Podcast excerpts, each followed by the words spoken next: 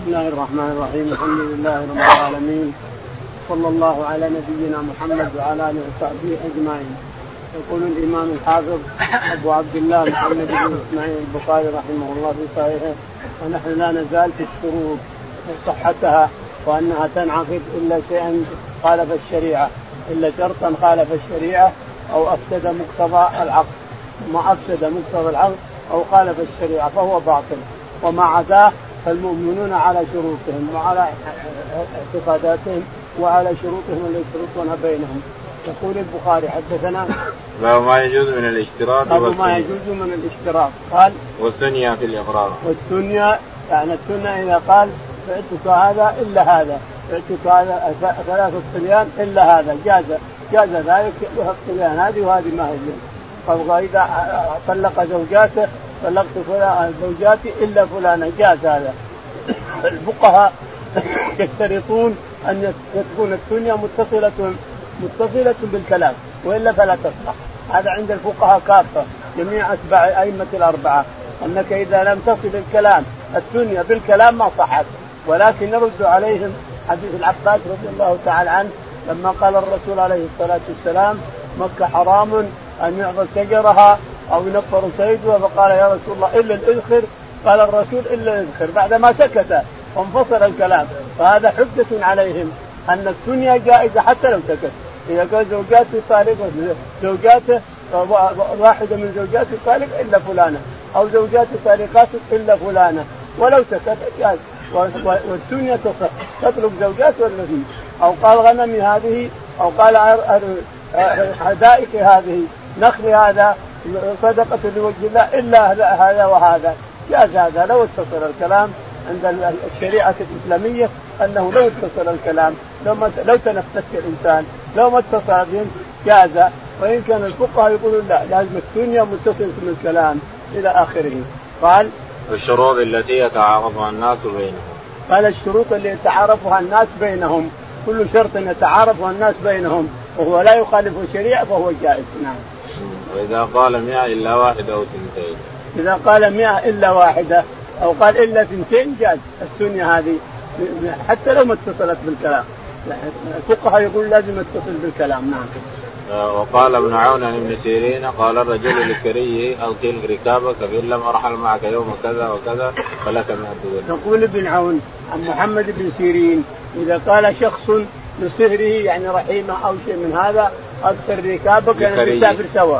لكريه يعني. لكريه لكريه أكثر ركابك نسافر سوا أنا وأنت يوم كذا وكذا. فلم يأتي فما الحكم عندهم؟ فإن لم أرحل معك يوم كذا وكذا فلك 100 فإن لم أرحل معك ما جئتك يوم كذا وكذا. ولا ورحلت معك نعم. فعليه 100 درهم. فعليه 100 فعلي 100 درهم. لا ما جاء. الرجل ما جاء ولا رحل معه. يلزمه الحكم تقول نعم يلزم. نعم. وقال شريح من شرط على نفسه طائعا غير مكره فهو عليه. الشريح يحكم أن من شرط على نفسه طائع غير مكره لزمه شرطه. شرطت على نفسك طائع غير مكره يلزمك شرطك. نعم. وقال عن ابن سيرين إن رجلا باع طعاما قال إن لم آتك الأربعاء فليس بيني وبينك بيع فلم يجد. فقال شريح للمشتري أنت أخلفت فقضى عليه. يقول ابن سيرين إن الرجل إذا باع طعام باع طعام وقال لم آتك يوم الأربعاء إذا اشتريت اشترى منه طعام مثلا من صبره أو اشترى جزاك أو أكياس أو شيء من هذا. قال خليهن عندك فلان إلى يوم الأربعاء إن لم آتك يوم الأربعاء فلا بيع بيننا. شريح يلزمه البيع شريح يقول ما ينفع قول إلا بيع بيننا. ما دام اشتريت خلاص. لازم تأتي وتأخذ حتى لو فسد الحب أو فسد التمر.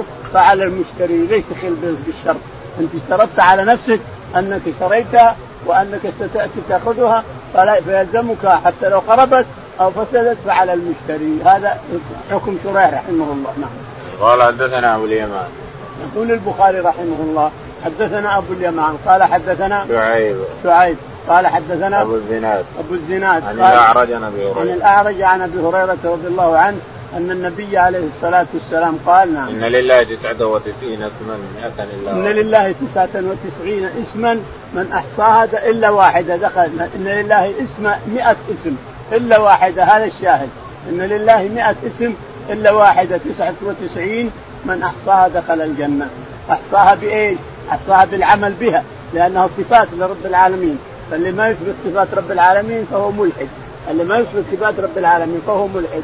فأسماء الله كلها صفات. أسماء الله كلها صفات له تعالى وتقدس.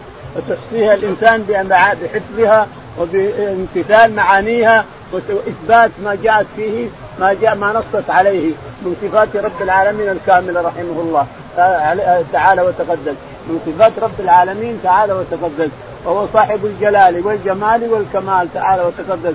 كل صفة إذا حسنة فهي له. كل صفة حسنة فهي له.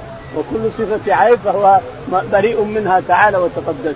فالمؤمنون يؤمنون إيمانا إجماليا بصفات رب العالمين تعالى وتقدس. وتليق ويقولون تليق بجلاله وعظمته. كل اسم أو صفة لرب العالمين والفرق بين الاسم والصفة. الأسماء صفات لرب العالمين. والصفات صفات لرب أسماء لرب العالمين. فما الفرق بينهما؟ يقول الاسم هو اللي يدل على الذات. الاسم هو اللي يدل على ذات الله تعالى وتقدس. والصفة هي التي تدل على معنى قائم بالذات. الصفة تدل على معنى قائم الانتقام والحب والبغض والكره هذه صفات تدل على معنى قائم بالذات. أما الاسم فهو الذي يدل على الذات بدون اسم. الله الرحمن الرحيم اسماء تدل على رب العالمين. السمع والبصر تدل على ذات على الذات ذات الله تعالى وتقدس. نعم. باب الشروط في الوقت. قال رحمه الله حدثنا قتيبة بن سعيد قال حدثنا محمد بن عبد الله الأنصاري قال حدثنا ابن عون قال أنبأني نافع ابن عمر رضي الله عنهما عمر بن الخطاب رضي الله عنه ارنا من خيبر فأتى النبي صلى الله عليه وسلم يستأمره فيها فقال يا رسول الله إني اصبت ارنا من خيبر لم اصب مالا قط أنبت عندي منه فما تأمر به؟ قال إن شئت حبست اصلها وتصدقت بها.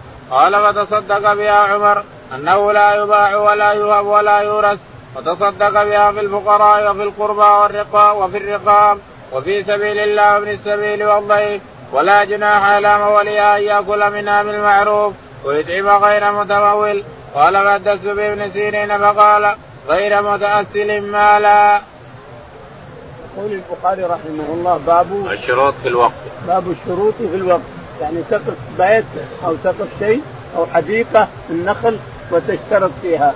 فلك شرطك الإنسان. توقفها وتشترط لك شرطك. يقول رحمه الله حدثنا قتيبة بن سعيد. قتيبة بن سعيد. قال حدثنا محمد بن عبد الله. محمد بن عبد الله. قال حدثنا ابن عون عبد الله. ابن عون عبد الله. قال حدثنا نافع عن ابن عمر نافع عن ابن عمر أن عمر بن الخطاب رضي الله عنه جاء سهمه في خيبر حديقة كبرى عظيمة ملتفة من الشجر ومن النخيل ومن شيء. فجاء إلى الرسول عليه الصلاة والسلام قال يا رسول الله أنا حظي من من خيبر اتاني حدائق حديقة كبرى عظيمة ملتفه ملتفة من الأشجار من نخيل وخوخ ورمان وغيره ملتفة التفات فأريد أن أسبلها. سبل اصلها وقف الأصل وأستثمر الثمرة. حبس الأصل. هذه الحديقة وقف لوجه الله تعالى والثمر على الفقراء والمساكين والأقارب وذا القربى وابن السبيل وغيرهم. حتى في الأصل ويجعل الثمرة أو يجعل النفقة للسبيل وللماشي وللمحتاج والفقير واجعل بعد في اقاربك فوقف الأصل حبس اصلها وجعلها وقفا لوجه الله تعالى. الثمر يعطى من أبناء السبيل يبنى المهاجرين وابن السبيل والسائلين وفي الرقاب وغيرهم. يعطى منهم ولا بأس من تولى لها من تولى ثمرها أن يأكل منها غير متأثر يعني غير متمول المال. يعني ما يأخذ منها مال يحطه مال له ما يمكن. أنت تأكل بالمعروف يا الوصي ولكن ما تأخذ مال. ما تأخذ مال منها تحطه لك. أنفق على الفقراء والمساكين والغارمين وفي سبيل الله وابن السبيل جميع فقير أعطوه والمساكين وابن السبيل وغيرهم. ولكن أنت تأكل بالمعروف ولا تأخذ منها مال اطلاقا. قال ابن عون فحدثت بابن سيرين فقال غير متأثر. يقول ابن عون حدثت بالحديث حديث عمر بن سيرين فقال غير متأثر يعني غير متمول قال غير متأثر بها يعني غير ما ما نجعل لك مال. تجعل مال لك أنت من من ثمرها تأخذ من الثمر وتحط لك مال هذا ممنوع. نعم.